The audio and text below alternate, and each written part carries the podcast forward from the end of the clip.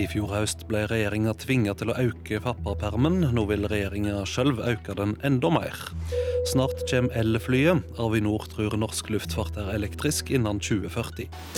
Her er NRK Dagsnytt klokka 6.30. I fjor høst ble regjeringa tvinget av stortingsflertallet til å utvide pappapermen til 14 veker. Nå vil regjeringa sjøl foreslå å øke den enda mer, til 15 veker.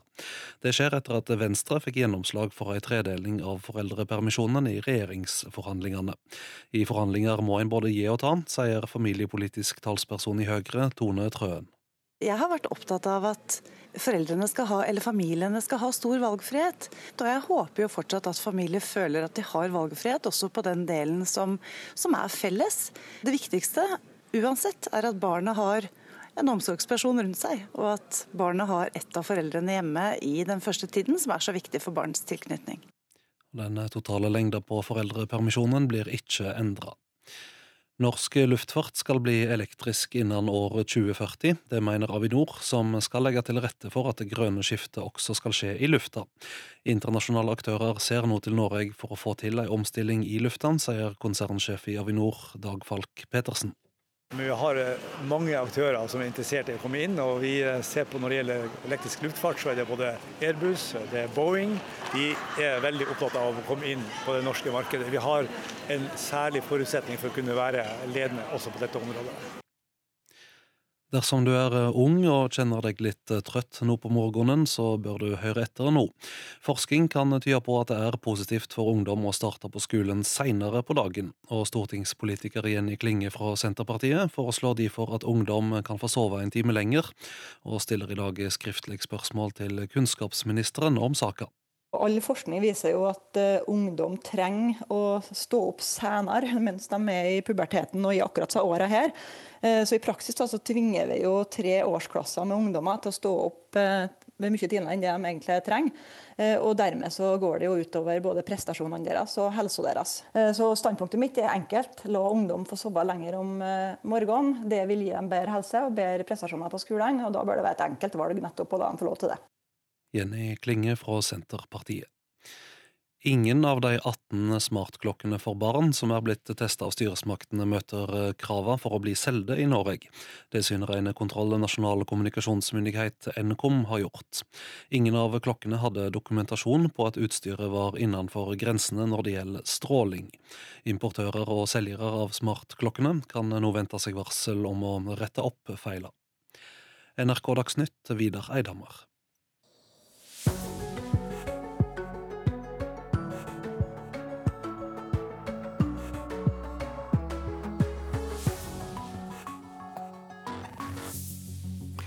Der er Nyhetsmorgen på vingene, og dette blir jo en spennende dag for alle som er interessert i norsk politikk. Vi skal snakke mer om hva som mest sannsynlig blir Norges nye regjering, som allerede har fått kallenavnet Den blå-grønne regjeringen. Men vi skal også snakke om følgende saker.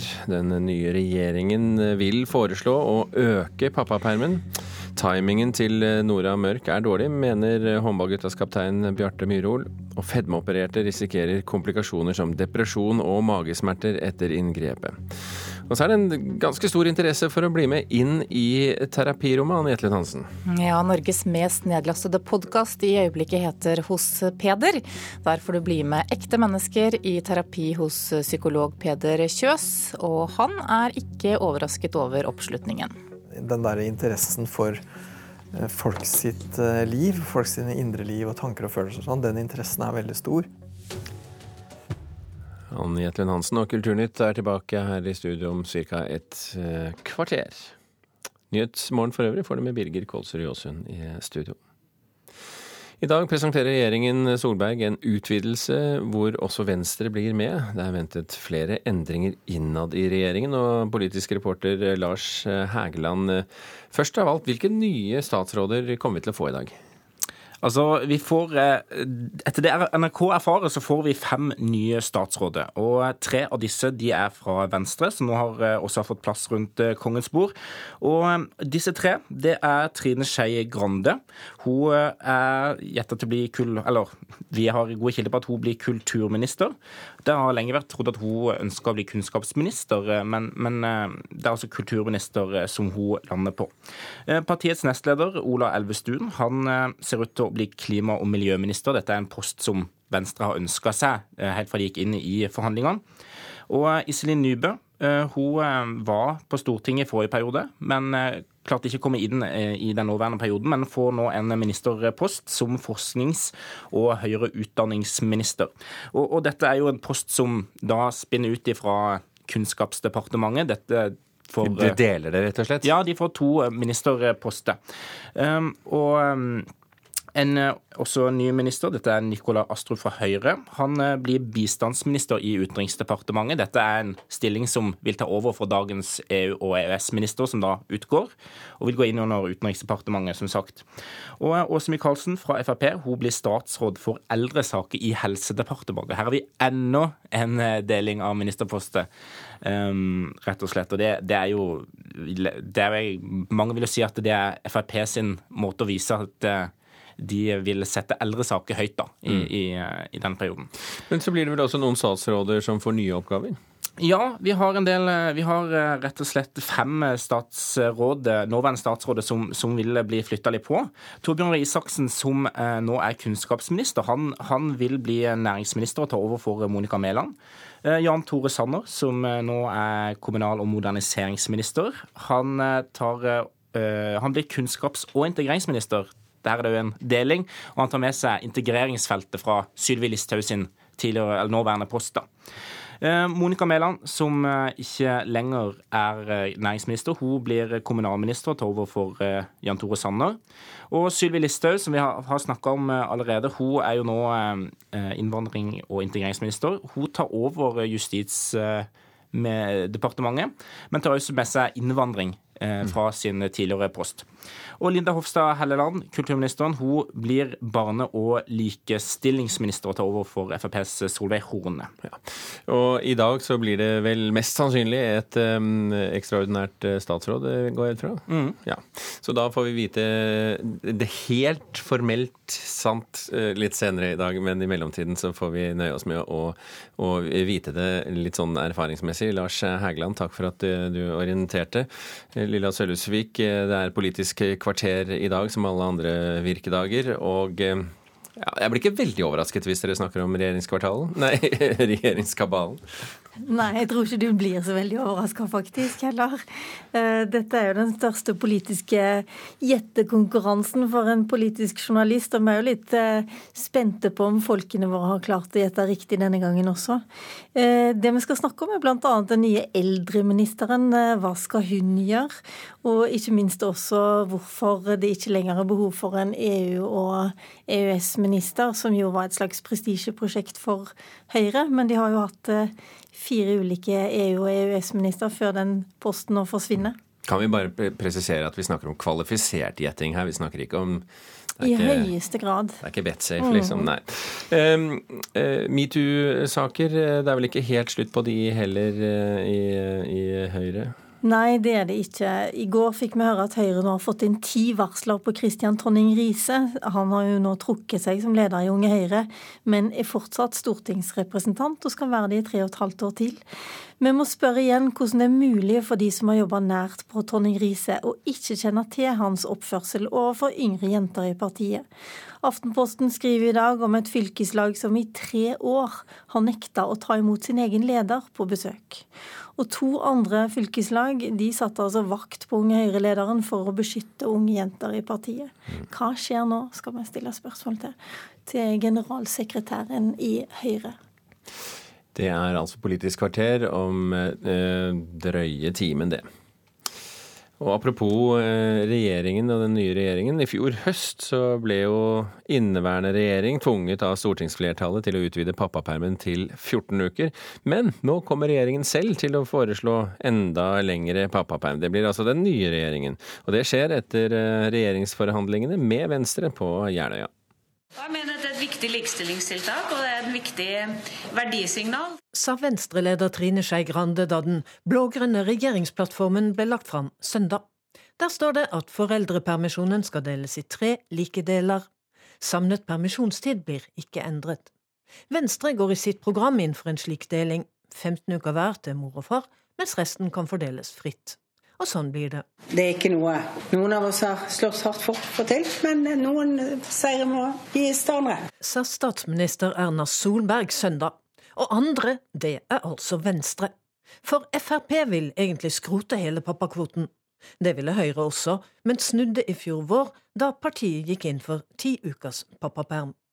Nå ligger det altså an til at regjeringen, som sa blankt nei til 14 ukers pappaperm, kommer tilbake til Stortinget med et forslag om å utvide til 15 uker. Permisjonstiden samlet sett blir ikke endret. Nei, Det er vel ingen hemmelighet at uh, Høyres uh, politikk på dette området har vært å beholde dagens ordning, som er uh, ti uker.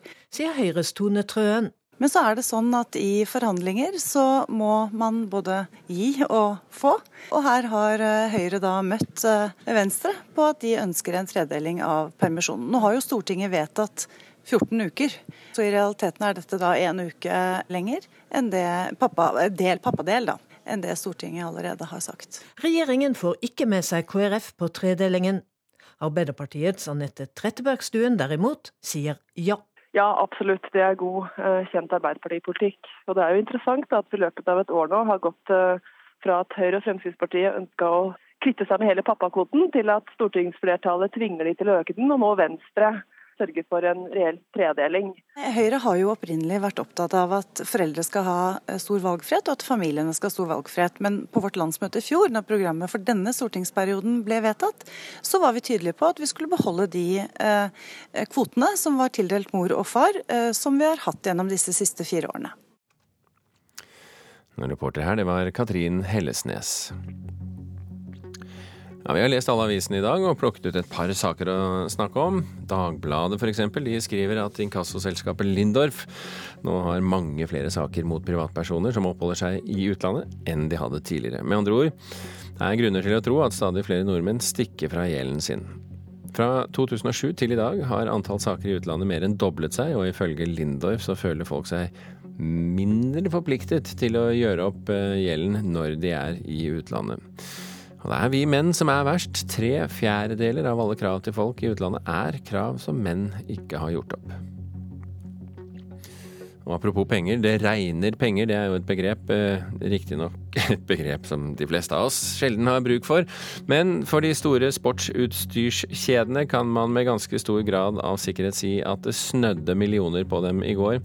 XXL melder f.eks. at en god vinter kan gi dem så mye som 100 millioner kroner i økt overskudd. Det skriver Finansavisen i dag. For sånn er vi, så når det snør skispor, så renner pengene ut av våre lommebøker bøker og inn i butikkjedenes bankkontoer, og alle snille barn får nye ski. I Stavanger så vinner kollektivtrafikken markedsandeler, mens biltrafikken synes å ha stagnert. Det skriver Stavanger Aftenblad i dag. Den kollektive passasjerveksten var på 6,7% og kanskje har samarbeidet under navnet Hjem, jobb, hjem mellom kollektivselskapet Columbus og næringslivet i regionen gitt positive resultater. Men det kan også hende at eh, frykten for den kommende bompengeringen i Stavanger allerede nå har fått folk til å tenke alternativer til bilen, var altså Stavanger Aftenblad i dag. Norge var overlegne mot eh, Østerrike under håndballguttas tredje kamp eh, under EM i går kveld. De vant til slutt 39-28. Det ble en tøff batalje der gule, røde og blå kort kom ut av lomma til dommeren. Blått kort ble jo, som du kanskje vet, innført for et par år siden, og er det samme som rødt kort i og for seg, bare med direkte karantene for spilleren som får kortet. Uansett, etter kampen var det Nora Mørk-saken som tok oppmerksomheten. Kaptein Bjarte Myrhol syns fremstillingen av saken med herrelandslaget og bildene av Nora Mørk er uriktig, og at timingen fra Mørk er dårlig. Nei, det, kunne, det kunne jo ikke vært uh, verre for oss. Den timinga er uh, elendig for oss, men Eh, vi skal stå, stå så sterke gjennom det og, og klare det. Bjarte Myrhol virka letta da han endelig fikk si sin mening om Nora Mørk-saken, etter at de hadde fått munnkurv før gårsdagens kamp. Eh, jeg personlig eh, har vært, vært påvirka av det. Og da betyr jo helt sikkert det at de andre gutta har vært det òg. Men vi måtte konsentrere oss om kampen, selv om det kom da en trist personsak som, som det her er. Og det, det går inn på oss, selvsagt gjør det det. Nora Mørk sa i år at hun var skuffa over at hennes eget miljø delte bilden av henne. Herrelandslagets kaptein ringte sjøl til Nora Mørk i år og fortalte at han var uenig i framstillingen, siden det var dem sjøl som sa ifra om at bildene hadde kommet åt dem. Måten vi har behandla det på, så er det også en samla tropp som har støtta Nora eh, i det. Eh, og det var også vi som meldte til Nora at de bildene eh, var på, eh, på vei rundt. Eh, sånn at eh, vi føler jo at vi har har støtta Nora. Nora Mørks advokat Jon Christian Elden sier at de ikke har retta noen økonomiske erstatningskrav for spredning av bilder mot herrelandslaget. Så i forhold til håndballen og herrelaget, så har vi nøyd oss med å be om at forbundet foretar undersøkelser, eventuelt beklager hvis de finner ut at det er grunnlag for det. Og Vi har notert at de har kommet med en form for beklagelse i dag. Reporter her, det var Hans Andreas Solbakken.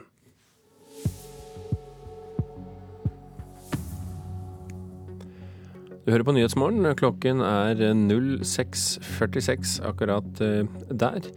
Og dette er hovedsaken i nyhetene i dag. Regjeringskabalen blir lagt frem senere i dag. Hele fem nye statsråder går inn i regjeringen. Den nye regjeringen vil for øvrig også foreslå å øke pappapermen. Og fedmeopererte risikerer komplikasjoner som depresjon og magesmerter etter inngrepet. Og der kan vi jo like gjerne hoppe til den saken først som sist. I går kom altså nyheten om at eh, fedmeopererte får komplikasjoner i etterkant av eh, operasjonen. Komplikasjoner som depresjon og magesmerter. Studien er verdens største i sitt slag, er gjennomført av forskere i Vestfold her i Norge, og viser at til tross for komplikasjoner er operasjoner mot fedmesykdommer svært effektive. Det meste som eh, jeg vet om, var 135 kilo.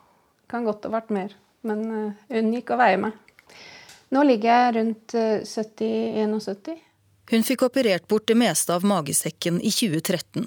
For Solveig Mathisen Knight fra Våle i Vestfold bestemte seg for å ta drastiske grep da vekten gjorde henne syk. Men inngrepet har hatt sin pris. Jeg er kronisk smertepasient nå.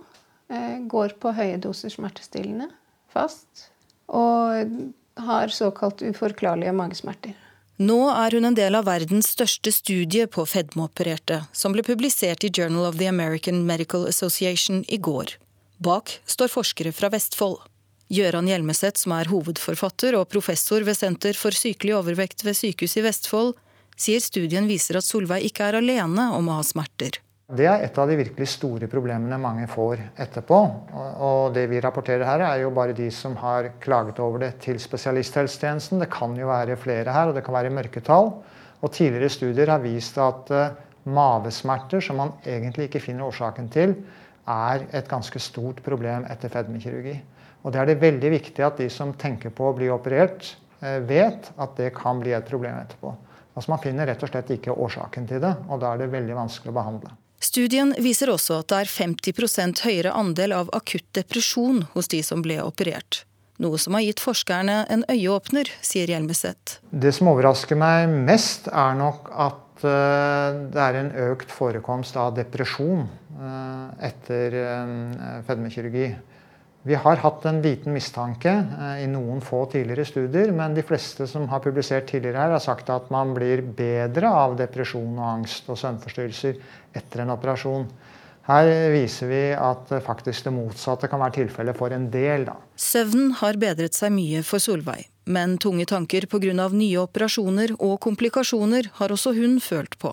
Ja, jeg har vært innom depresjon òg. Eh, for min del så var det nok mest det å akseptere at jeg Eh, var syk i etterkant også. Eh, en, en, sorgprosess, rett og slett. På det at eh, det som skulle være fiksinga, redninga, ikke var det likevel. Og at, at det ikke fungerer. Mm. Det, og det er mange som sliter. Det vet jeg. Samtidig kjenner Solveig seg igjen i de positive følgene studien viser at en operasjon kan gi. Å bli kvitt både diabetes og høyt blodtrykk. Hjelmeset sier blodtrykksresultatene er noe helt nytt. Denne studien viser at fedmekirurgi har nesten like god effekt på høyt blodtrykk som på diabetes, men diabeteseffekten er nok den største. Men det var jo slik at 40 eh, av de pasientene som hadde blodtrykksmedisin før de ble operert, kunne slutte med det etterpå. På tross av at hun i dag er arbeidsufør og har kroniske smerter, angrer ikke Solveig på operasjonen. Likevel ber hun andre tenke seg godt om før de velger det samme. Det er mange det går bra for, men noen havner i den prosenten hvor det ikke går bra. Og da er det ingen vei tilbake. For det er, det er ikke nødvendigvis det glansbildet som eh, i hvert fall private klinikker averterer med. Fremtidens pasienter vil møte et annet bilde nå som studien er publisert, og leger har bedre dokumentasjon fra et senter i Norge, sier professor Hjelmeset. Og da vil det bli lettere for pasientene å velge om de eh, vil velge fedmekirurgi med sine veldig gode effekter, men dessverre enkelte alvorlige komplikasjoner, eller om de vil forsøke på det som jo er ønskelig, nemlig å finne andre måter å gå ned i vekt på, hvor en del av disse bivirkningene ikke vil være til stede. Reporter her, det var Elisabeth Tøtte Hansen. Ja, hvem har ikke hatt lyst til å være flue på veggen når psykologen har sine klienter til terapi? Så langt har det stort sett vært med tanken, men nå, Anne Jetlund Hansen, nå nå har du muligheten, rett og slett. Ja, ja. I podkasten hos Peder deler unge mennesker sine psykiske utfordringer og problemer her i livet. Flere timer med opptak fra terapirommet er offentliggjort, der du som lytter kan få være med og høre på samtalen med en psykolog. 200 mennesker hadde lyst til å være med i det som nå er Norges mest nedlastede podkast. Jeg har bare fått uh, bra tilbakemeldinger. Jeg har bare fått kjærlighet. Altså, folk er um, De syns det er kult og modig og også veldig interessant og spennende å høre på. Det forteller Tiril. I det som nå er Norges mest nedlastede podkast, åpner hun opp om psykiske utfordringer og problemer i livet sitt. Podkasten heter Hos Peder, og er i bunn og grunn opptak av flere terapitimer som Tiril hadde hos psykolog Peder Kjøs. Her snakker hun om det å være evig singel. Hva har du tenkt for noe om det så langt? da? For det høres ut det er jo åpenbart en ting du har tenkt mye på. Så. Ja, jeg har jo tenkt mer på det selvfølgelig de siste årene. Da, da Man kommer jo i en alder hvor um, alle begynner å etablere seg og sånne ting. Um, og for alle andre så bare det virker så innmari lettvint. Tiril snakker bl.a. åpent om problematiske forhold til konkrete personer i familien sin. Det er et uh, følsomt område, men, uh, men, jeg mener vi har ivaretatt uh, både tredjepart og deltakerne så godt vi kan. Sier prosjektleder for serien i NRK, Gitte Kallmeier. 200 personer ønsker å være med i serien. Fire personer skal få sine terapitimer offentliggjort i løpet av våren. Tre av de har blitt anonymisert. Vi var opptatt av at ikke de skulle ha like problem, at vi skulle finne problemer som er gjenkjennelige for mange. For det er jo da først vi kan øh, være til hjelp for andre, hvis noen kjenner seg igjen i det. Psykolog Peder Kjøs håper podkasten vil bidra til å avmystifisere det som skjer i terapirommet når du oppsøker en psykolog. Jeg tror folk er interessert i det her fordi at det er jo en sånn veldig tett inngang på um, ekte menneskers ekte liv. Da. Det er jo en tilgang som man sjelden får, og terapirommet er jo veldig lukka. Og den der interessen for folks folk sitt uh, liv, folk sine indre liv og tanker og følelser, sånn, den interessen er veldig stor. Um, jeg tenker det er, jo sånn, det er jo kanskje en slags samfunnsutvikling. Da, at det er en veldig interesse for det subjektive og det individuelle, og hvordan folk har det, og hvordan folk tenker og føler. Det sa psykolog Peder Kjøs, og reporter her det var Christian Ingebretsen. Og så kan vi ta med da at både Kjøs og Tiril, som du hørte i innslaget her, er gjester her i Nyhetsmorgen. Det er etter klokka åtte. YouTube endrer reklamereglene sine, og det betyr at fra nå av så kan ikke lenger hvem som helst tjene penger på reklame på videonettstedet. Hvorfor gjør de dette her, reporter Thomas Alvarstein Ove? Bakteppet her er eh, avsløringer fra den britiske avisen The Times i fjor om at en lang rekke kjente merkevarer, men også britiske offentlige tjenestetilbud, sponset terror og andre ulovligheter uten å eh, vite om det. Avisen regnet ut at eh, bl.a. både terrororganisasjonen IS og høyreekstreme grupper tjente gode penger på reklame som gikk i forkant av propagandavideoer på YouTube. Sett f.eks. at Mercedes vil reklamere på YouTube. Så tjener de som får eh, Mercedes-reklamen foran filmen sin, penger på det, i tillegg til nettstedet selv. Og Mercedes vil altså ikke bli spurt om hvilke videoer på YouTube de ønsker å reklamere foran. Så hvordan løser eh, YouTube dette nå? Omfanget av, omfanget av, reklameaktiviteten på nettstedet er jo så enorm at det vil være umulig å innføre menneskelig eh, kontroll med alt. Løsningen blir derfor å si at for å få lov til å tjene penger på reklame hos YouTube, så må det være en viss størrelse på aktiviteten din. Fra nå av må du ha minst 1000 abonnenter på videoene dine og ha lagt ut 4000 timer med innhold, altså videoer, i løpet av det siste um, året. Før algoritmene til YouTube plukker ut en reklame og spiller av denne i forkant av din video. Det er visepresident Paul Murat i Google som eier nettstedet, på, som skriver dette på sin blogg i dag. Betyr det da at det har vært fritt frem så langt? Ikke helt. Kravet så langt har vært at en video må ha blitt sett 10 000 ganger før det kan få reklame knyttet eh, til seg. Det kan kanskje høres mye ut, men i global sammenheng så er det jo et ganske lite tall som både gøyale kattevideoer, men også da støtende og uanstendig innhold lett kan oppnå.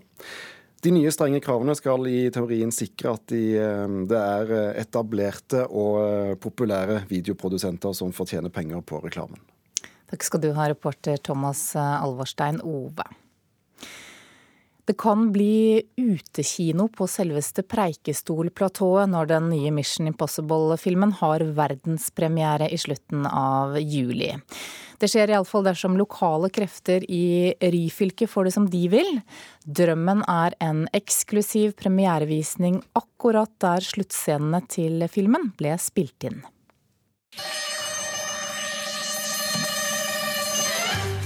Tom Cruise sette Lysefjorden på hodet i flere dager i november i fjor, da Hollywood kom til Ryfylke med filminnspilling på Preikestolen. På det verdkjente fjellplatået ble det spilt inn sluttscener til Mission Impossible 6. 27.07 er det verdenspremiere på filmen. Og for kinosjefen i Preikestolbyen Jørpeland, Roger Nybroen, det som han vil, blir premierearenaen helt spesiell. Vi håper å få til en um, utekino med helt superproft utstyr oppe på selve Preikestolplatået. Og lage til en superhappening der som, som, vil gi oss oppmerksomhet ikke bare i Norge, men i hele verden, egentlig. Det er, det er drømmen. Kanskje Tom Cruise og regissør og de andre skuespillerne ville kommet også. Håpet til kinosjefen er å få til dette rundt verdenspremieren på filmen i slutten av juli, selv om norgespremieren først er veka etter, 3. august. Jeg tror det her blir one night only med kino oppe på platået. Det tror jeg.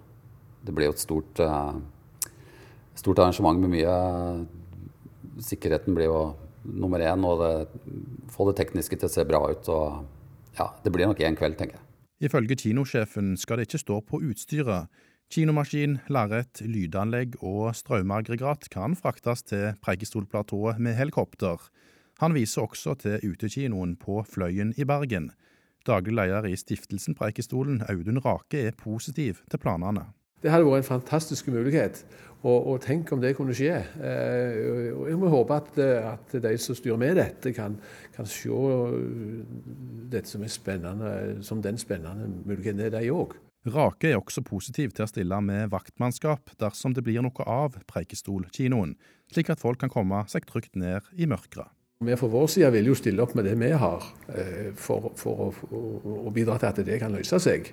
Og vi har Om sommeren har vi jo et, et ganske omfattende apparat som, som, vi da kan spille på. NRK har også vært i kontakt med den norske distributøren for de som lager filmen, det amerikanske filmselskapet Paramount. De er positive til utekinopremiere på Preikestolen for Mission Impossible 6, men sier de må undersøke sjansene for å få det til. Det gjør at drømmen til kinosjefen på Jørpeland definitivt lever. Se for oss eh, sirkus som var når den ble spilt inn, så tror jeg det kan bli, jeg tror det kan bli veldig bra. å ha litt mer oppmerksomhet når den kommer. Det skulle bare mangle. Det er ikke ofte Hollywood-film blir spilt inn i Norge.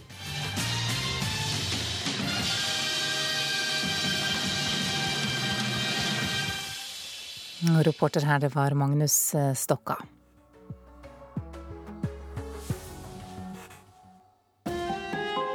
Hør ekko. Flere kvinner enn menn utdanner seg til leger. Men operasjonssalen domineres fremdeles av menn. Samtidig viser studier at du som pasient faktisk har større sjanse for å overleve når en kvinne opererer deg. Hvorfor er det sånn? Og trenger vi flere kvinnelige kirurger? Ekko 9-11 i NRK P2.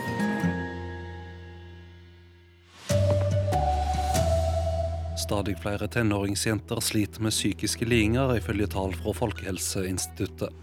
I dag blir det klart hvem skal ut og hvem skal inn. Endringene i regjeringa blir presenterte. Her er NRK Dagsnytt klokka sju. Tallet på tenåringsjenter med psykiske lidelser øker kraftig. Ifølge en ny rapport fra Folkehelseinstituttet har det blitt 40% flere jenter som har fått diagnostisert en psykisk liding bare de siste fem åra. Angst, eteforstyrringer og depresjon er blant diagnosene som øker mest, men forskerne vet ikke hvorfor. Øka er likevel så stor at det er blitt et folkehelseproblem, sier forsker Pål Suren. Det er en stor andel av befolkningen. Dette er noe som angår mange. Eh, og Derfor definerer vi det som et folkehelseproblem. Ehm, det vil jo påvirke dem eh, i den perioden de har den lidelsen. I den perioden man har en depresjon eller en angstlidelse f.eks. Eh, så vil det jo redusere livskvaliteten og kanskje gjøre det vanskelig å fungere på skole f.eks. Ehm, det gode med de lidelsene er jo at de er de kan behandles, og de er oftest forbigående hos de fleste. Så dette er jo ikke Eh, jenter som kommer til å være syke resten av livet. Eh, I de fleste tilfeller. De kommer til å komme seg ut av det, men det er, det er jo noe som da vil påvirke ungdomstiden i større eller mindre grad. Og det blir mer om saka i Nyhetsmorgen i P2 etter Dagsnytt.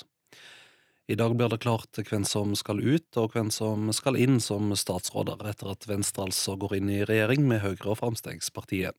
Etter det NRK kjenner til, blir det fem nye navn. Fem sittende statsråder får endra ansvarsområder, medan fire statsråder forlater regjeringa.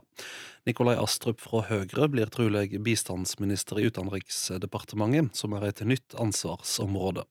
Line Hegna, kommunikasjonssjef i Redd Barna, er glad for det. Hvis det stemmer, så er det veldig gode nyheter. Det er en riktig og viktig beslutning. Vi har etterlyst dette lenge, eh, og er veldig glad hvis vi igjen får en, eh, en utviklingsminister som er dedikert til det feltet i Utenriksdepartementet. Line Hegna i Redd Barna, og du kan lese om alle endringene i regjeringa på nrk.no.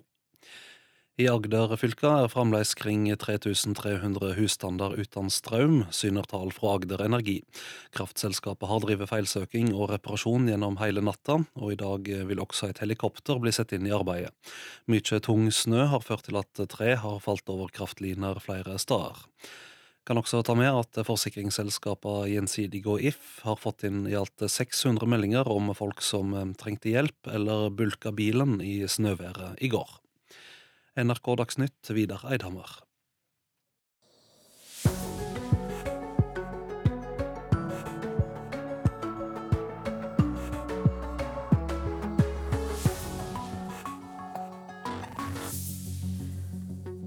Nyhetsmorgen er eh, fortsatt eh, på lufta, og i dag så skal vi snakke om eh, både den nye regjeringen, og at eh, psykisk sykdom syke, synes å øke blant unge jenter. Men eh, vi begynner med de nye statsrådene, for i dag så presenteres en utvidet versjon av dagens regjering, hvor også Venstre får plass rundt kongens bord. Det har vært mange spekulasjoner i hvilke statsråder som må gå, og hvilke som får komme inn. Flere nye statsrådsposter skal også bli presentert, og blant disse er en egen minister for eldresaker. Det får Pensjonistforbundet til å juble. Det er 950 000 alderspensjonister i Norge som, eh, som, trenger å ha sin minister, på lik linje med at barn har sin eh, barneminister. Det sier generalsekretær i Pensjonistforbundet, Harald Olimp Nordmann. I dag vil regjeringa Solberg presentere en utvidelse av dagens regjering, hvor også Venstre vil få plass. Og det er ventet flere nye statsråder rundt kongens bord. Etter det NRK erfarer, vil Venstre få tre ministre. Trine Skei Grande kommer til å ta over for Linda Helleland som kulturminister. Og partiets nestleder Ola Elvestuen for Klima- og miljødepartementet. Mens Iselin Nybø, som ikke kom inn på Stortinget i år, vil bli statsråd i Utenriksdepartementet med ansvar for forskning og høyere utdanning. FrPs Åse Michaelsen går etter det NRK kjenner til, inn i Bent Høies helsedepartement, med ansvar for eldresaker. Og det er også venta at Høyres Nikolai Astrup bytter ut EU- og EØS-ministeren og blir bistandsminister i Utenriksdepartementet. Dette er en statsrådpost som Redd Barna ønsker velkommen. Lista er eh, lang. Norge har forplikta seg på å eh, bidra aktivt til å innføre bærekraftsmålene innen 2030. Eh, Der har vi tida og veien. Dessverre er vi ikke i rute, verken med å gi alle barn kvalitetsundervisning eller sikre trygghet og, og helse for, for, alle barn. Det er etter det NRK kjenner til òg snakk om flere rokeringer innad i departementene. Torbjørn Røe Isaksen, som i dag er kunnskapsminister, ville trolig ta over som næringsminister etter Monica Mæland. Kommunalminister Jan Tore Sanner vil gå inn som kunnskaps- og integreringsminister i Kunnskapsdepartementet. Sylvi Listhaug tar med seg innvandringsfeltet fra dagens statsrådpost når hun blir justis- og innvandringsminister. Monica Mæland, som nå er næringsminister, vil ta over jobben som kommunalminister, mens kulturminister Linda Hofstad Helleland blir barne- og likestillingsminister. Men det vil altså trolig Vidar Helgesen, Per-Willy Amundsen, Solveig Horne og Marit Berger Røsland gå ut av regjeringa. Mens resten av regjeringa ser ut til å bli værende sånn som den er nå. Det var Lars Hægeland som orienterte her. Politisk kommentator i NRK Magnus Takvam, får Venstre akkurat de taburettene de har ønsket nå? Ja, det Langt på vei så gjør de nok det. Jeg vil nok tro at Trine Skei Grande i utgangspunktet ville hatt Kunnskapsdepartementet, men da hele departementet, kanskje. Eh, partiet Høyre har, har, nok insistert på å beholde eh, skolepolitikken. Og dermed ble det ikke så interessant for partilederen å bare ta en del av det departementet. Og hun landet da på Kulturdepartementet, som også gir henne tid til å skal vi si, passe på Venstres saker i hele regjeringen. At de får gjennomslag, og også gi henne rom til eh, å markere partiet i den offentlige debatten, i løpende debatter på feltet som som ytringsfrihet og verdispørsmål. Ja, Så skal det jo sies at eh, kultur er jo et felt hun behersker ganske bra. Hun er opptatt av kulturpolitikk, men eh, vi ser allerede, så allerede i går kveld at uh, interessegrupper melder seg og er på, er på, ballen når det gjelder krav om rettigheter osv. Musikere f.eks. i går, komponister. Sånn at hun, hun, vil merke press fra feltet fra dag én. Altså Det blir jo noen endringer i departementsstrukturen her, Magnus. Er det kun for å få kabalen til å gå opp? Nei, altså det er også en del profilsaker på en måte som blir eh, hevet på denne måten, og ting denne nye regjeringen eller den utvidede regjeringen vil satse på. Vi har lagt merke til eh, tema inkludering, integrering, en inkluderingsdugnad. Den eh, blir da markert i departementsstrukturen ved at den kommer inn i Kommunaldepartementet som veldig knyttet til f.eks. språkopplæring, eh, skole osv. Så sånn at det er ett eksempel. Og det at uh, justisminister, den nye da, uh, Sylvi Listhaug, mister dette integreringsfeltet og beholder bare innvandrings- og asyl til seg, er jo uttrykk eller et refleks av at Venstre kommer inn i regjering. At man skal eh, dempe konflikten omkring innvandringsfeltet på den måten ved å splitte opp de to områdene, f.eks. Eh, disse byttene, er det bare partipolitiske prioriteringer, eller er det også politiske prioriteringer i? Ja, så F.eks. denne posten som eldreminister er jo et typisk eh, Frp-krav. Det har vært i mange år et krav om en egen minister som pådriver for, for eh, eldre, eldresaken liksom i, i, regjeringen. Carl I. Hagen har vel også vært en talsperson for det. Eh, så det er et eksempel på at eh, eh, disse samarbeidspartiene vil få stats, må ha statsråder som markerer deres deres viktigste politikkområder. Så på det feltet spørs det jo da hvordan det vil vise seg å, å, å slå til. Vedkommende har jo ikke et eget budsjett og sånn, så vedkommende skal jobbe da internt i Helsedepartementet sammen med Bent Høie for å, som sagt, heise den saken. Se, kan, kan, ut fra det vi vet nå, kan vi se noen eh, eh, hva skal vi si, konturene av noen politiske kamper som kommer på, på bakgrunn av departementsstrukturen? Det er alltid politiske kamper i en regjering. Man kan jo bare observere at det fremdeles er slik at f.eks. Frp har mange tunge departementer, departementer med mye makt. Finans, eh, eh, har åpenbart en, en, mektig statsråd. Samferdselsfeltet, eh, olje- og energipolitikken. Slik at det ligger jo også i det faktum at Venstre nå kommer inn, at det blir spenninger åpenbart på både olje, energi, miljø, eh, innvandring, integrering eh, i denne nye regjeringen. Mm, og det blir altså ekstraordinært statsråd senere i dag. Magnus eh, Takam, takk for at du orienterte.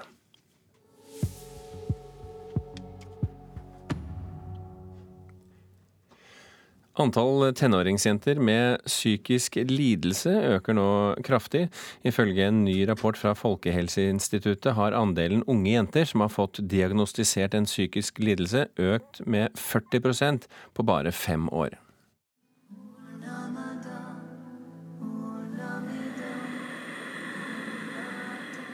Et pust inn og ett Kroppen til 25 år gamle Maria Jetteberg flyter mellom forskjellige yogaposisjoner. Hendene og føttene veksler mellom å være i bakken og i været. Pusten er fast. Yogaen har vært med hun siden hun var 18 år og full av angst. Konstant frykt, øh, konstant kvalme, konstant svimmelhet. Og så balla det på seg, og så ble det til at jeg unngikk flere og flere ting. F.eks. Eh, snakke i telefonen begynte jeg å få angst av. Det, bare, det kom angstreaksjoner da, av alle ting. Å spise godteri eller søtsaker, det turte jeg ikke. Så, så, da isolerte jeg meg bare mer og mer, og så var jeg vel inne i ett år. Siden Maria fikk sin diagnose i 2011, har andelen tenåringsjenter med psykiske lidelser økt kraftig. Hele 40% på bare fem år, viser en ny forskningsrapport fra Folkehelseinstituttet. Det er en stor andel av befolkningen. Dette er noe som angår mange. Eh, og Derfor definerer vi det som et folkehelseproblem. Sier forsker Pål Surén. Ifølge undersøkelsen er i dag 7% av tenåringsjenter mellom 15 og 17 år og 9% av de mellom 18 og 20 diagnostisert med en psykisk lidelse hos fastlege eller BUP. Lidelsene som har økt mest de siste fem årene, er angst, spiseforstyrrelser, depresjon og tilpasningsforstyrrelser. Altså vansker med å takle endringer som dødsfall, det å bytte skole eller å flytte. Årsaken til den kraftige økninga av psykisk syke jenter står det likevel ett stort spørsmålstegn bak. Man kunne jo tenke seg at det uh, kunne skyldes endret diagnosepraksis, eller at uh, terskelen for å bli henvist og be om hjelp har blitt lavere, f.eks. Mer oppmerksomhet om psykiske lidelser. Men hvis det var det som var forklaringen, så ville vi ha forventa å finne en økning i andre aldersgrupper også, og også blant gutter. Men det ser vi ikke hovedgrunnen kan ha vært flink pike-syndromet. Og pressa meg selv veldig veldig hardt. Og jeg kjente jo flere faresignaler. da. At jeg, jeg var kjempemye svimmel, mye kvalm. Og likevel så bare fortsatte jeg å kjøre på. Helt til det da plutselig bare krasja helt. da, Og da var det angst. Det er flere år siden nå. Med psykologhjelp og tid er hun blitt frisk. Det å snakke høyt om angst har også vært viktig. Det samme har yoga. Namaste. Namaste. Reportere her, Kristine Svendsen og Marit Gjelland. Adrian Lorenzon, eh, kommunikasjonssjef i Mental Helse og Ungdom. Velkommen til Nyhetsmorgen. Takk for det. Hvorfor er det så mange jenter som sliter? Det er jo det store spørsmålstegnet man snakker om. Da. Eh, man har jo på denne side spørsmål om hvorvidt det har blitt lettere å oppsøke hjelp. Eh, og hvis det er tilfellet, så er det også grunn til å være bekymra for gutta, for de vet vi har vanskeligheter for å, for å, søke hjelp. Men hvis man skal prøve å finne noen forklaringer på det her, så ble jo noe av det sagt i reportasjen. Og så er det jo et stadig økende fokus på, eh, på kroppspress og skoleprestasjoner, og at man skal prestere på en hel del arenaer både i og utenfor skolen. Så det er klart at eh, det totale presset, og det presset man ofte legger på seg selv, det kan, eh, det kan være, være, en bidragende faktor. Og så er det ikke noe tvil om at vi er nødt til å, å se alvorlig på hvilken rolle sosiale, sosiale medier spiller. Ja, hva sier de jentene du snakker med da om det? Nei, altså For veldig mange så oppleves det jo, altså når det kommer til sosiale medier, at man, man ser et, måte, en slags showreel av høydepunkter som man kanskje oppfatter som hverdagen til eh, de menneskene man har rundt seg, eh, og kanskje ikke tenker over hele tiden da, at det er nettopp høydepunkter. Og at hverdagen stort sett er like grov og kjedelig som ens egen. Eh, og da kan man på en måte ende opp med å legge veldig stort press på seg selv. Da. Hvordan kan man hjelpe disse jentene? Eh, altså For Mental Helse Ungdom så har, det jo, har, saken vært klar. Vi har jo pekt på dette her eh, i mange mange år, og vi har sett eh, tilsvarende altså ikke denne type forskning, men vi har sett eh, type ungdataundersøkelser som har gitt en pekepinn på at dette er retningen det går. Og det vi har sagt, er vi er nødt til å få på plass en førstelinjetjeneste for barn og unge. Per nå så fins ikke det i tilstrekkelig grad i kommunen. Vi er nødt til å ha en mer tverrfaglig skolehelsetjeneste. Vi er nødt til å ha psykisk helsetilbud i kommunene. Og så er vi nødt til å få eh, psykisk helse inn på, på timeplanen i skolen eh, så fort som mulig.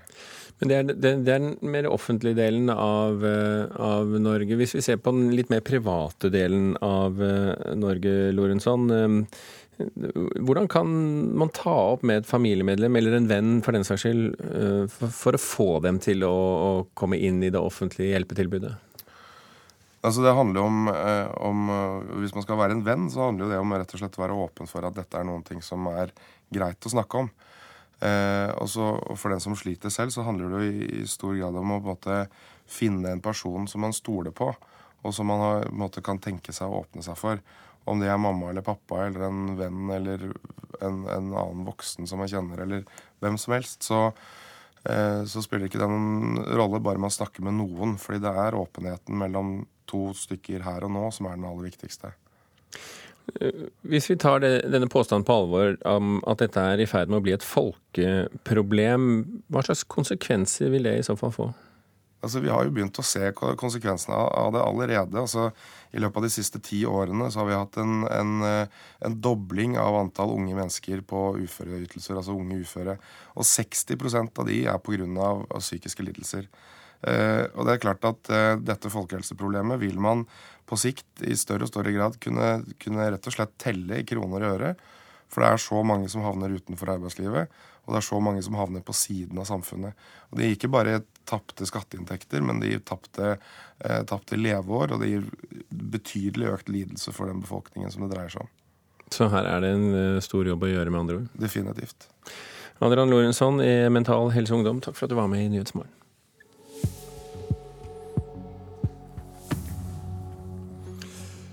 Hovedsakene i Nyhetsmorgen i dag, det er at uh, i dag så presenteres uh, den nye regjeringen hvor også Venstre får plass rundt kongens bord. Statsministeren uh, varsler endringer i regjeringen, og det blir ekstraordinært statsråd klokken 14. Den nye regjeringen vil foreslå å øke pappapermen, det har vi hørt tidligere i dag.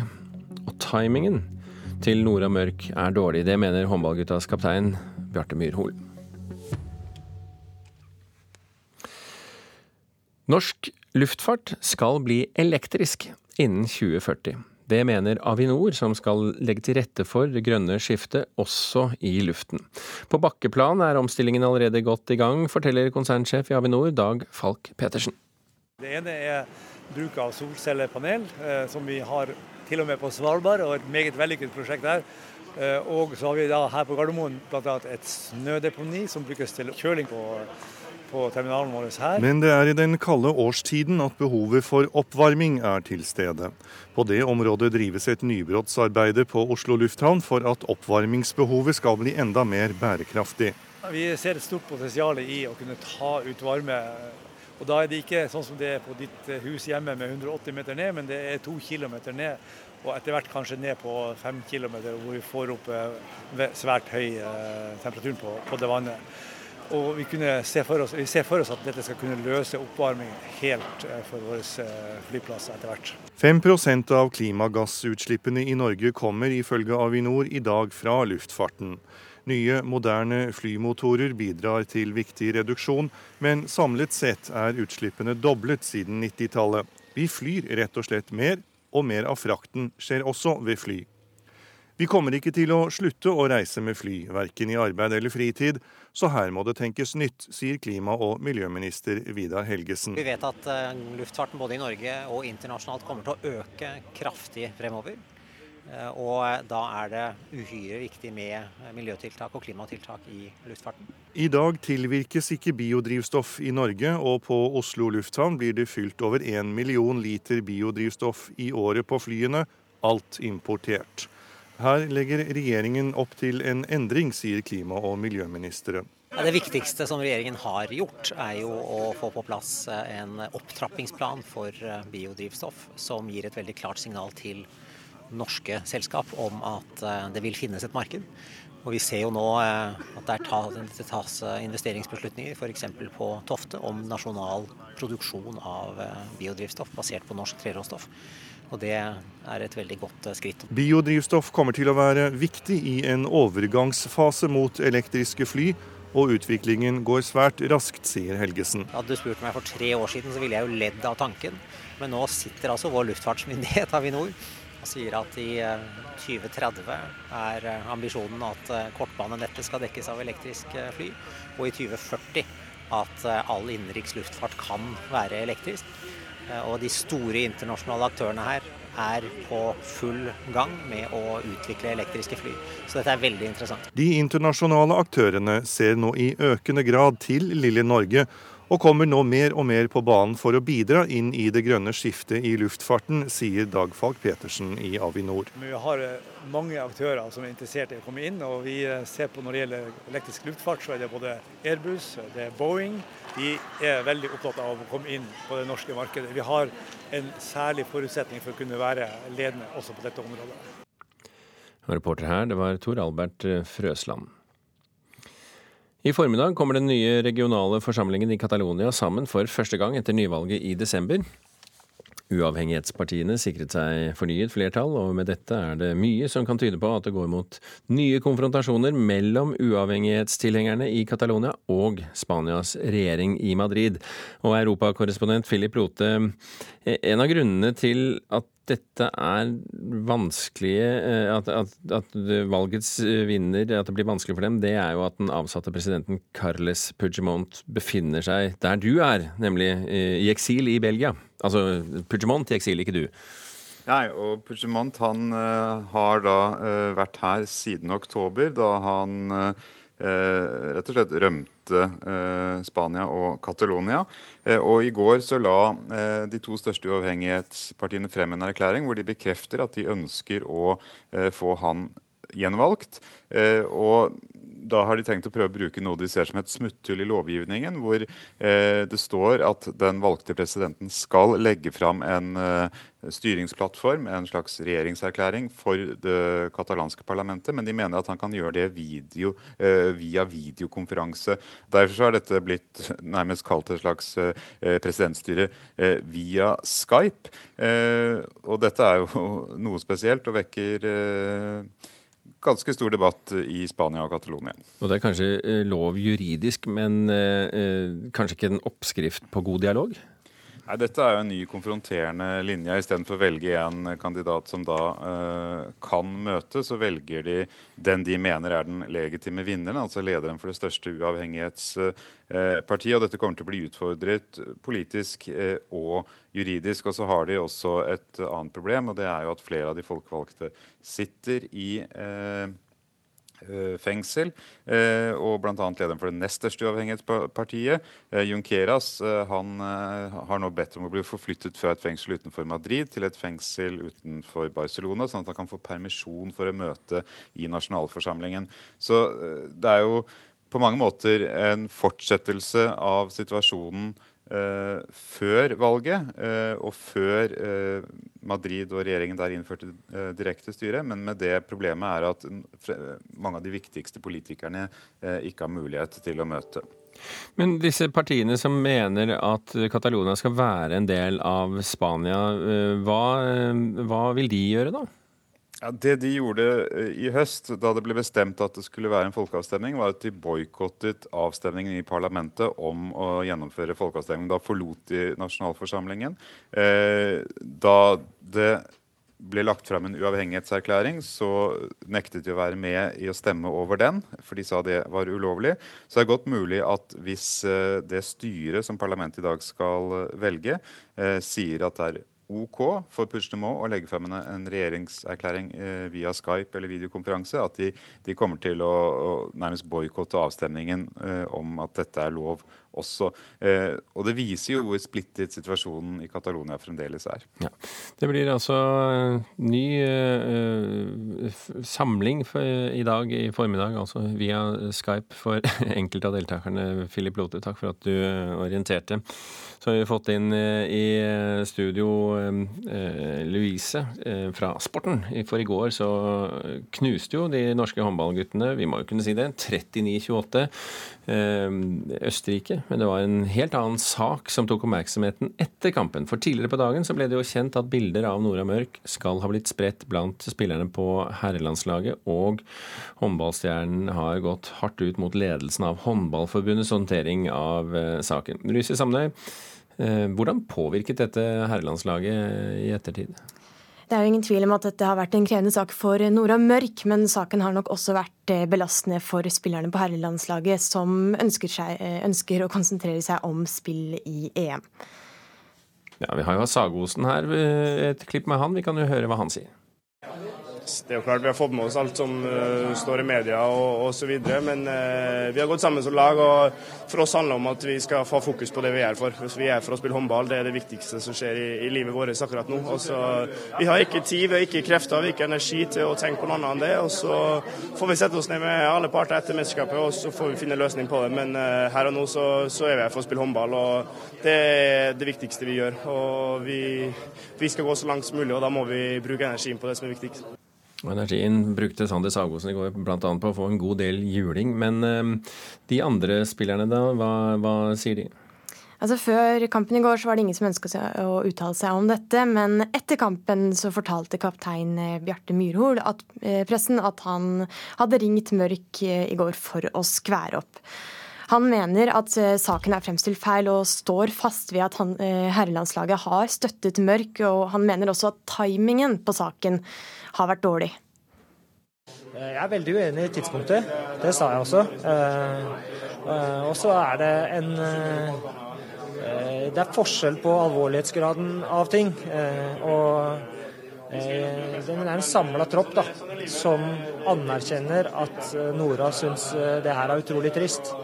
Og så mye gode gutter som vi er, og måten vi har behandla det på, så er det også en samla tropp som har støtta Nora eh, i det. Eh, og det var også vi som meldte til Nora at de bildene eh, var på, eh, på, vei rundt. Eh, sånn at eh, vi føler jo at vi har, har støtta Nora. Ja, Det er jo altså uenigheter rundt denne saken, og det er vel uansett vanskelig å finne en god timing for en sånn type sak.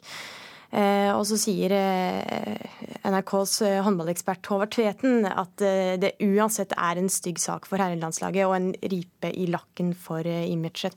Ok. Louise Samner, takk for at du orienterte om siste nytt fra håndballfronten.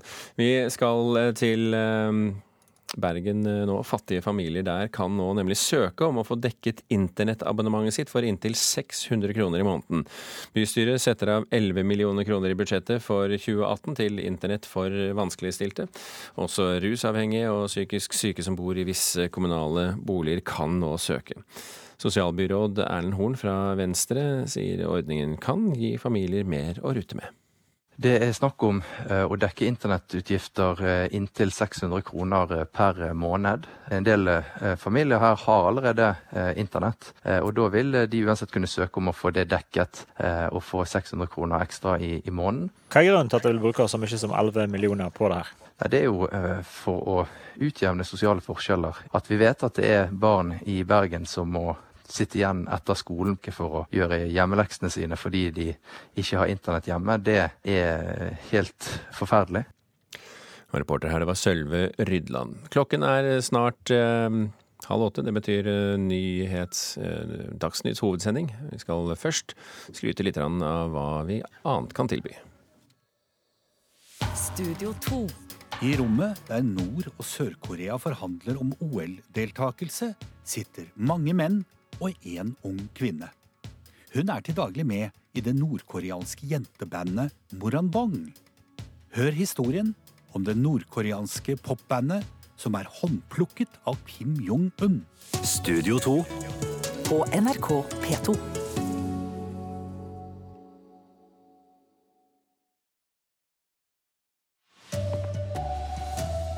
Endringene i regjeringa blir kjent i dag. Nye statsråder skal inn, andre skal ut, mens noen bytter jobb.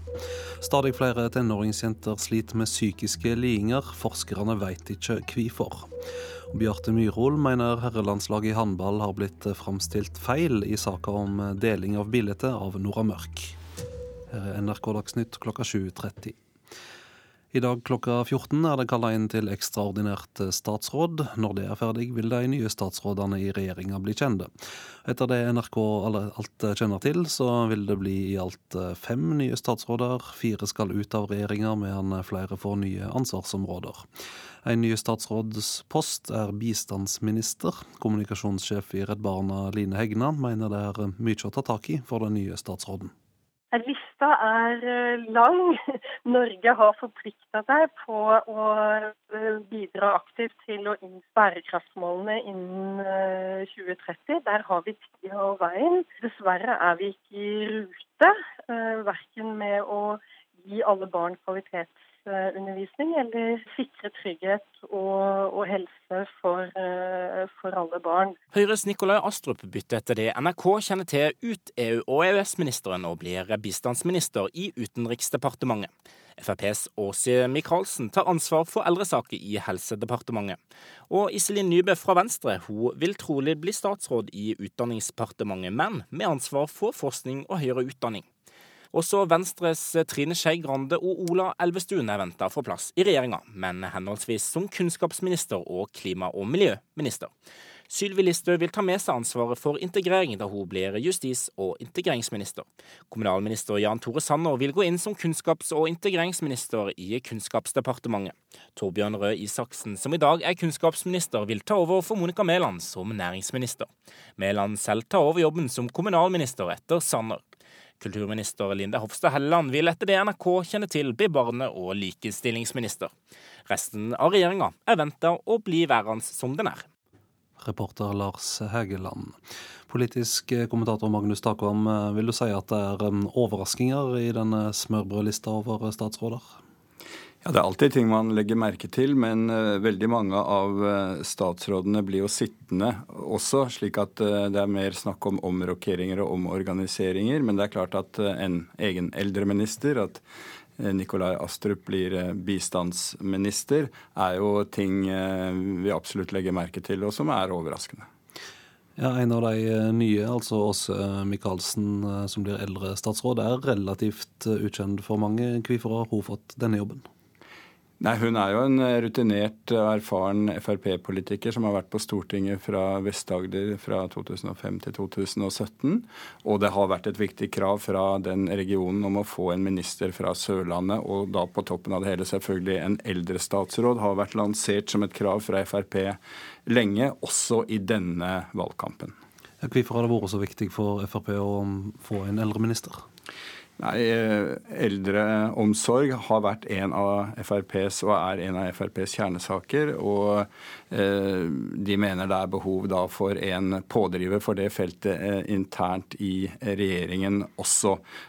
Selv om vedkommende da skal være i Helse- og omsorgsdepartementet under Bent Høie. I dag er det en statssekretær som har det oppdraget. Så blir det en utfordring siden vedkommende da ikke har Det er de tunge økonomiske prioriteringene som også styrer eldreomsorgen. Det er kommunene som har ansvaret. Så vi får se hvordan, om dette blir en suksess eller ikke. Men det er i hvert fall eh, FrPs plan for å ha en slik statsråd som de åpenbart er fornøyd med. Har Venstre fått det de har ønsket seg? De har jo hatt et valg som, som ikke gjelder alle de eh, ministerpostene som er de tyngste, finansminister, utenriksminister osv. Men innenfor det eh, området de har hatt mulighet til å velge, tror jeg de er eh, fornøyd med, med, med sin portefølje. Takk for det, politisk kommentator Magnus Takvam. Du kan altså lese mer om skiftene på nrk.no. Den endelige fasiten kommer altså klokka 14 i dag. Og I fjor høst så ble regjeringa tvinget av stortingsflertallet til å utvide pappapermen til 14 uker, men nå kommer regjeringa sjøl til å foreslå en enda lengre pappaperm, og det skjer etter forhandlingene med Venstre. Jeg mener at Det er et viktig likestillingstiltak og det er et viktig verdisignal. Sa Venstre-leder Trine Skei Grande da den blå-grønne regjeringsplattformen ble lagt fram søndag. Der står det at foreldrepermisjonen skal deles i tre like deler. Samlet permisjonstid blir ikke endret. Venstre går i sitt program inn for en slik deling, 15 uker hver til mor og far, mens resten kan fordeles fritt. Og sånn blir det. Det er ikke noe noen av oss har slåss hardt for å få til, men noen seire må gis til andre. Sa statsminister Erna Solberg søndag. Og andre, det er altså Venstre. For Frp vil egentlig skrote hele pappakvoten, mens Høyre snudde i fjor vår da partiet gikk inn for ti ukers pappaperm. Nå ligger det altså an til at regjeringen, som sa blankt nei til 14 ukers pappaperm, kommer tilbake til Stortinget med et forslag om å utvide til 15 uker. I forhandlinger så må man både gi og få.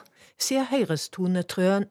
Selv har hun argumentert heftig mot å øke fedrekvoten av hensyn til familienes valgfrihet. Jeg håper jo fortsatt at familier føler at de har valgfrihet, også på den delen som, som er felles.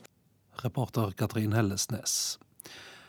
Andre nyheter nå. Tallet på tenåringsjenter med psykiske lidelser øker kraftig. Ifølge en ny rapport fra Folkehelseinstituttet har det blitt 40% flere jenter som har fått diagnostisert ei psykisk liding bare de siste fem åra. 25 år gamle Maria Jetteberg var 18 år da hun fikk diagnosen angst. Konstant frykt. F.eks. Eh, snakke i telefonen begynte jeg å få angst av. Så da isolerte jeg meg bare mer og mer, og så var jeg vel inne i ett år. Siden Maria fikk sin diagnose i 2011, har andelen tenåringsjenter med psykiske lidelser økt kraftig. Hele 40% på bare fem år, viser en ny forskningsrapport fra Folkehelseinstituttet. Dette er noe som angår mange, og derfor definerer vi det som et folkehelseproblem. Sier forsker Pål Surén.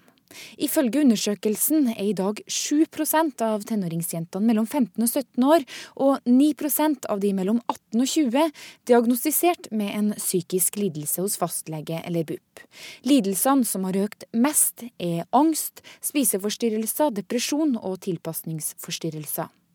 Årsaken til den kraftige økninga står det likevel ett stort spørsmålstegn bak. Man kunne jo tenke seg at det uh, kunne skyldes endret diagnosepraksis, eller at uh, terskelen for å bli henvist og be om hjelp har blitt lavere, f.eks. Mer oppmerksomhet om psykiske lidelser.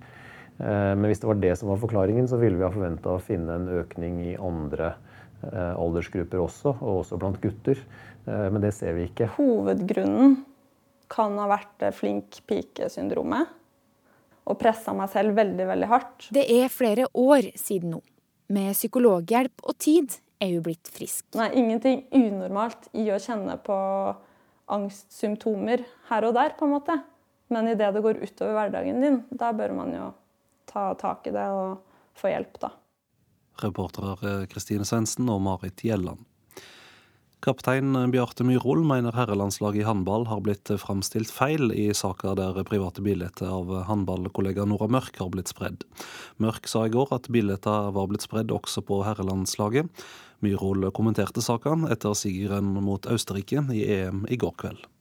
Nei, Det kunne jo ikke vært eh, verre for oss. Den timinga er eh, elendig for oss, men eh, vi skal stå, stå så sterke gjennom det og, og klare det. Bjarte Myrhol virka letta da han endelig fikk si si mening om Nora Mørk-saken, etter at de hadde fått munnkurv før gårsdagens kamp. Eh, jeg personlig eh, har vært, vært påvirka av det, og da betyr jo helt sikkert det at de andre gutta har vært det òg. Men vi måtte konsentrere oss om kampen, selv om det kom da en trist personsak som, som det her er. Og det, det går inn på oss, selvsagt gjør det det. Nora Mørk sa i år at hun var skuffa over at hennes eget miljø delte bilden av henne. Herrelandslagets kaptein ringte sjøl til Nora Mørk i år og fortalte at han var uenig i framstillingen, siden det var dem sjøl som sa ifra om at bildene hadde kommet åt dem. Så er det også en samla tropp som har støtta Nora eh, i det. Eh, og det var også vi som meldte til Nora at de bildene eh, var på, eh, på vei rundt. Sånn at eh, vi føler jo at vi har, eh, har støtta Nora. Reporter Hans Andreas Solbakken. I Agder fylke er fremdeles kring 3300 husstander uten strøm etter snøfall i går, syner tall fra Agder Energi. Kraftselskapet har drevet feilsøking gjennom hele natta, og i dag vil også et um, helikopter bli satt inn i arbeidet. Ansvarlig for sendinga var Anne Skårseth, i studio Vidar Eidhammer.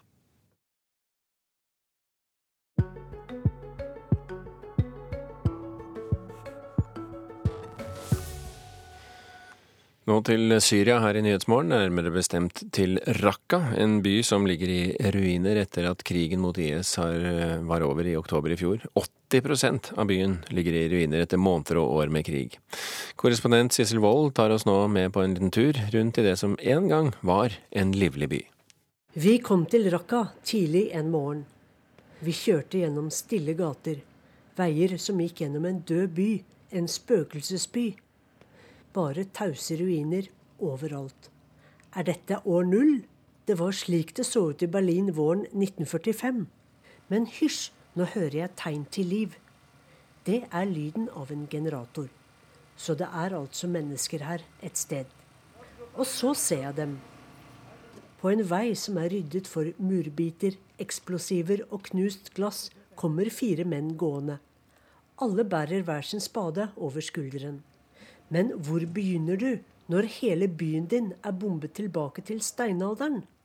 Først kom den frie syriske hæren hit, og så kom al-Nusra-fronten, og så kom IS. Og så kom alle hærstyrkene, inkludert den vestlige koalisjonen med bombefly, for å nedkjempe IS. Vi går forbi menn som sitter og varmer seg rundt en rusten tønne der de har fyrt opp et bål.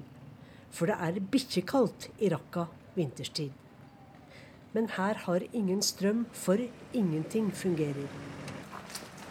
Nå har vi funnet veien til sportsstadion, der de siste kampene mot IS-fanatikerne sto i oktober i fjor. So this is the stadium here. And they had many executions here also. Med tolken vår Mahmoud går vi ned i kjelleren, der IS holdt fanger. Dusjer og toaletter blir gjort om til små celler, og her er det mørkt. Gulvene er dekket av knust glass, murbiter og patronhylser. Uh, to av de større cellene var satt av til menn IS mente var forrædere og spioner. I denne cellen satt en russisk fremmedkriger, for han har skrevet på veggen. Raqqa og Kresjenia 35 dager, står det på russisk. Vi ser brevpapir IS brukte ligge på gulvet, med islams trosbekjennelse som brevhode. Opp og tilbake i sentrum ser vi med ett flere folk. En spør om vi er fra en hjelpeorganisasjon.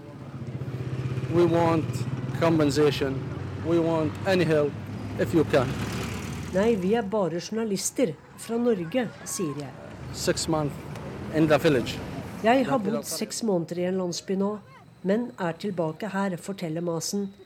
Han er kommet for å se på huset sitt to uh, see my uh, house, my destroyed house. Som er helt ødelagt. I don't forget I support Molde. Men ikke glem at jeg støtter Molde fotballklubb, smiler Masen. Uh, there is a young player come to Real Madrid. Og så er det denne unge, dyktige spilleren som gikk til Real Madrid. Jeg har glemt navnet hans. Er det Martin Ødegaard du tenker på, spør jeg. Ja, det er det, smiler han. Hvor befriende er det ikke å snakke om norske fotballspillere i dette knuste nabolaget? Men vi må tilbake til her og nå. Will you move back now to Raqqa? Skal han flytte tilbake, spør jeg. I haven't any house. Jeg har ikke noe hus. I can. I have children. Jeg har flere barn, så vi kan jo ikke bo her nå, sier han. Utpå formiddagen ser vi flere og flere folk. En familie har satt opp en kiosk, altså et bord, med potetchips, vann og brus og sjokolade. En annen selger grønnsaker fra et bord. Jo, det er liv i Raqqa likevel.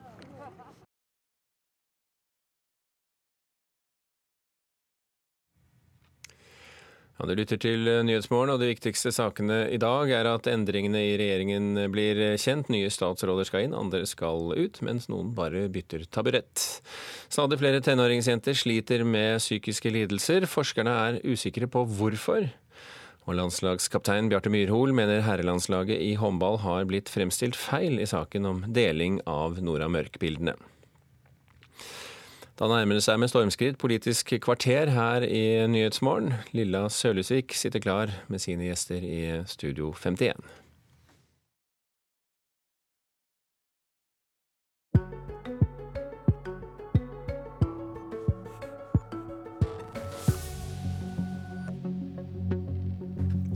I dag skal den blå-blå regjeringen bli blå-grønn-blå. Fire skal ut, fem nye skal inn. Og eldre, fattige og akademikere skal få sine egne statsråder. Men saker om seksuell trakassering kaster lange skygger over regjeringsutvidelsen også i dag.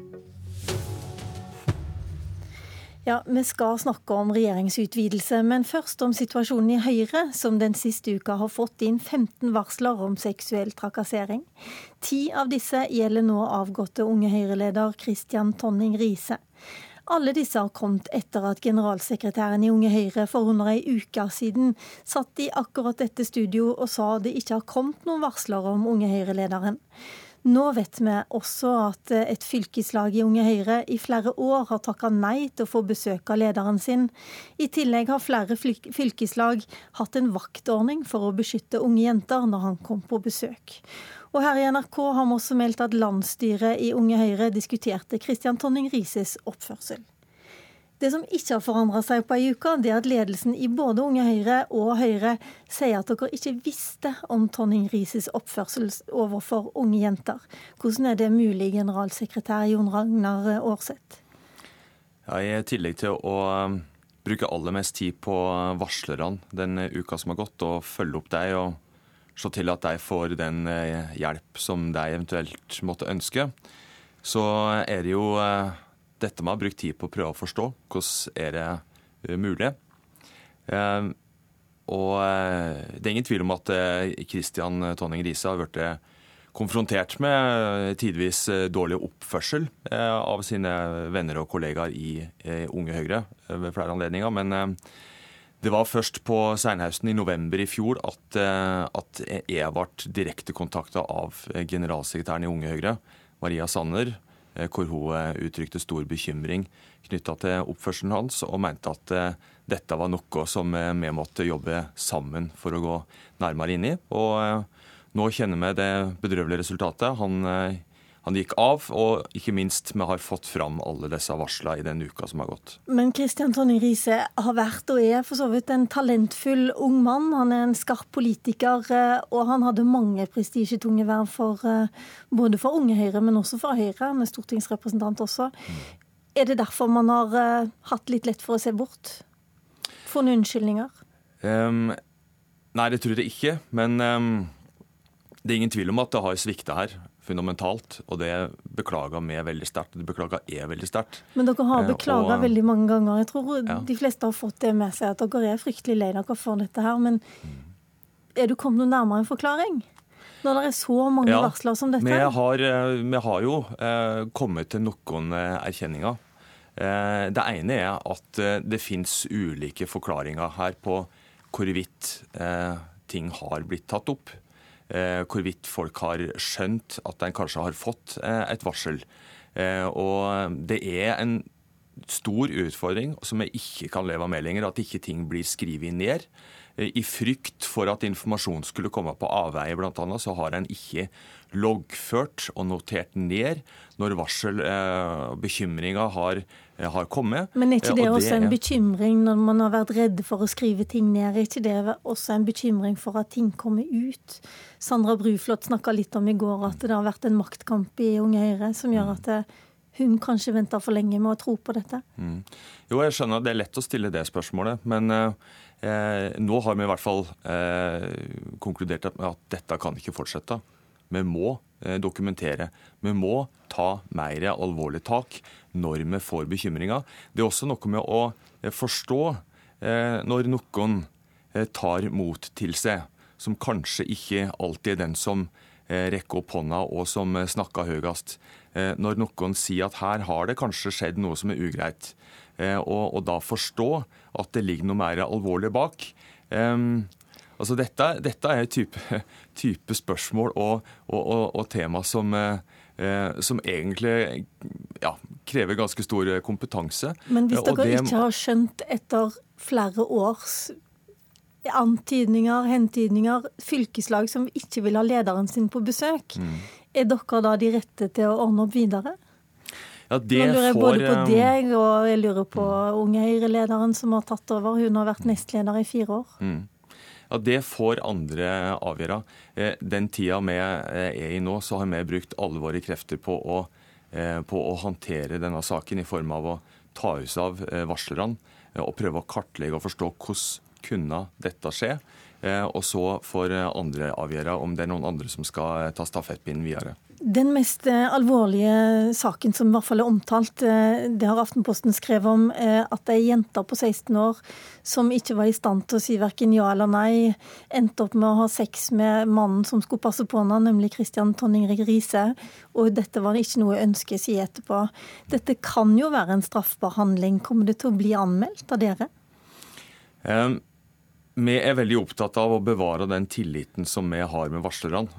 Eh, og eh, Foreløpig så er vår konklusjon at eh, vi stiller bistand og hjelp til de varslerne som måtte ønske det, for å få vurdert sakene sine, men at det er eventuelt de som tar sine saker videre. Være... Jeg vet at det finnes andre synspunkt på det, men, men hvis vi skulle tatt et initiativ, så så ville vi i hvert fall bryte med den tilliten vi har skapt med varslerne. Og, og det er vurderinga så langt. Vi skal ikke gjøre det. Vi vil ta vare på den eh, tilliten. Men det betyr da at hvis ikke disse jentene som har varsla, enten denne jenta som var 16 år da, eller noen av de andre ti som har varsla etterpå, hvis ikke de anmelder det, så kan Høyre sitte på informasjon om mulige lovbrudd hos en stortingsrepresentant uten å melde det til politiet. Alternativt så kan eh, politiet ta selvstendige initiativ. Det skjer jo også i enkelte saker. Ja, Regner du med det, kanskje? Det har jeg ikke noen forutsetning for å mene noe om. Greit. Hjertelig takk skal du ha, eh, Jon Ragnar Aarseth. Forresten, før du går, eh, har du fått med deg hvem som blir med i den nye regjeringen? Nei, jeg har hatt helt andre oppgaver denne uka, så jeg veit ikke det. Og jeg veit jeg, jeg, skal innrømme at jeg har heller ikke enda lest Jeløya-erklæringa, men men Erna har lovt meg at den er veldig bra, så jeg gleder meg til å lese den. Du kan i hvert fall høre litt videre, så skal du få med deg hvem som blir nye statsråder et øyeblikk bare.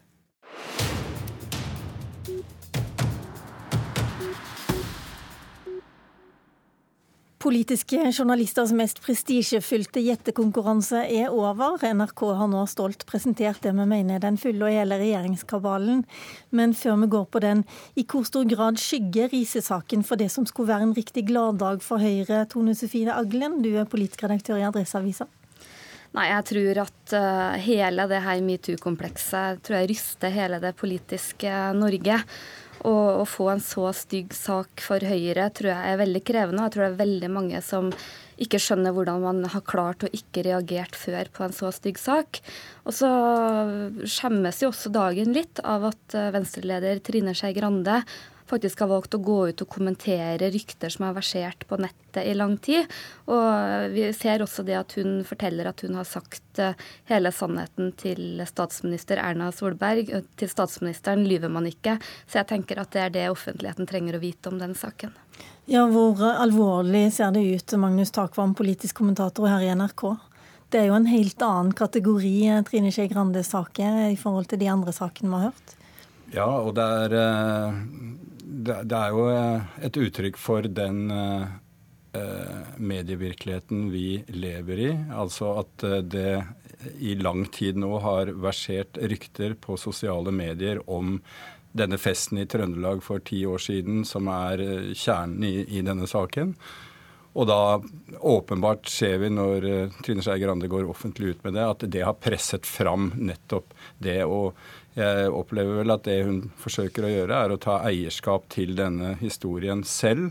Hun markerer bl.a. At, at dette etter hennes mening i stor grad dreier seg om en kampanje mot henne politisk fra høyreorienterte innvandringsmotstandere på nettet osv. Men det er klart det vekker oppsikt på eh, nettopp denne dagen vi snakker om.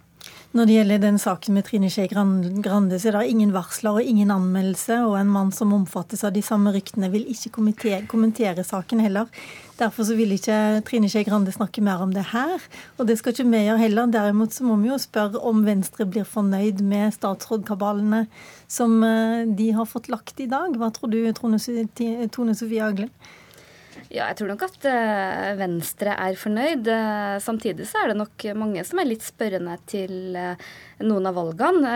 jeg har jo opplevd at Venstre har vært veldig opptatt av å bredde seg som skoleparti. Og litt overraska over at ikke Kunnskapsdepartementet har stått øverst på ønskelista for Venstre-lederen. Så tror jeg det er mange som er overraska over at Sveinung Rotevatn ikke har fått plass som statsråd. Han har vært en veldig viktig profil for partiet som veldig mange liker. Og så er det mange som eh, også stiller litt spørsmål med Venstre-nestleder Venstre Terje Breivik, som representerer en av disse skeptikerne til regjeringa og mener det kanskje at det har vært fornuftig å ha tatt inn han. Men de som får plass, det er jo miljøvernminister eh, Ola Elvestuen. Og så får de også høyere utdanningsministeren, og det er vel et plaster på såret når de ikke får kunnskapsministeren med ansvar for barnehager og grunnskole, Magnus Takvam?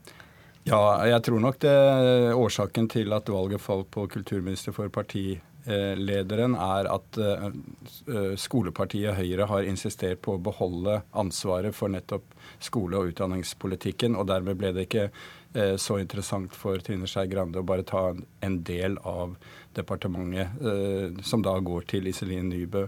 Sveinung Rotevatn er et talent som eh, vi hører om her. Han blir da statssekretær hos eh, Sylvi Listhaug, så han blir inkludert i regjeringsapparatet. De to har jo ikke akkurat vært perlevenner og helt enige? Nei, det er klart. Noen eh, beskriver det som en vaktbikkje fra Venstre i Justisdepartementet. Det kan man mene hva man vil om, men det er opplagt at Venstres inntreden i, i regjeringen gjør jo at man får en oppmerksomhet på spenningsforholdet Venstre-Frp, også på innvandrings- og asylfeltet, åpenbart. Høyre har valgt å droppe det som eh, virka som en prestisjeminister for fire år siden, nemlig EU- og EØS-ministeren. I stedet så får man en bistandsminister og Nikolai Astrup. Hvorfor gjør de det? Det er eh, både fordi man har hatt en rekke rekke statsråder på det området og da ikke hatt kontinuitet. Det er også slik at en, eh, altså EØS-området er åpenbart veldig viktig for enhver norsk regjering. Og det har vært et problem at en eh, dedikert EØS-EU-minister ikke møter kolleger i Europa på samme nivå. Altså, eh, dermed så, så, tror jeg at eh, Høyre har bestemt, eller vurderer det slik, at det er eh, like riktig å la utenriksministeren få ansvar for det feltet. Og så er eh, utviklingsområdet, Norad, området, det som budsjettmessig økonomisk er tyngst i Utenriksdepartementet. Og det har vært et massivt krav fra bistandsorganisasjoner om å få en dedikert minister. Til nå har man hatt en statssekretær. Så det er noe bakgrunn. Aglen, hvorfor trenger Norge en egen eldreminister, tror du? Eller hvorfor tror du regjeringen mener vi trenger det? Jeg er usikker på om landet trenger det, men jeg tror Frp trenger det. Fordi for, for dem er eldreomsorg en svært viktig sak eh, i tillegg til innvandring og skatter og avgifter. Og jeg tror at de med en sånn egen ministerpost ser en mulighet til å profilere seg mye sterkere på det området. Eh, samtidig så er det jo litt sånn krevende da med disse spesialstatsrådene som ikke har et eget departement, og som det blir litt sånn underbruk. Jeg tror veldig ofte at, at man ikke helt lykkes med å ta ut potensialet, men jeg tror nok man i større grad ønsker å ta ut eh, eldresatsinga, profilere den sterkere. Og så vet vi jo at det her prøveprosjektet med statlig finansiering av eldreomsorgen, det har ikke akkurat flydd. Så man ser vel kanskje også en mulighet til å få mer kraft i det. Og hva er mulighetene til Åse Michaelsen, som skal ta det vervet, Takvam? Kjenner du henne fra før? Ja, Hun er jo en erfaren eh, Frp-politiker fra eh, Mandal, Vest-Agder. Og det har vært en del av bildet her både kravet om eldreminister, som Frp har hatt i mange år, og også selvfølgelig å bli representert fra Sørlandet. Eh, men der partiet Høyre har jo, når disse kravene har dukket opp, markert at de er uenige i Eh, å ha en egen eldreminister. Så det er helt opplagt at dette er, dette er eh, et krav Frp har prioritert og fått, fått gjennom. Her har alle fått eh, noe hver, åpenbart. Vi skal også få med oss at uh, i den nye regjeringen, hvis det nå blir akkurat sånn som jeg har sagt, og det tror vi jo selvfølgelig, så blir det ti menn og ti kvinner. Den nye regjeringen skal uansett uh, i statsråd på Slottet klokka 14 i dag. Og du kan selvfølgelig følge med på NRK2, nrk.no og NRK Alltid nyheter. Men akkurat nå så bør du følge Nyhetsmorgen videre, gjerne på radio. Mitt navn det er Lilla Sølhusvik.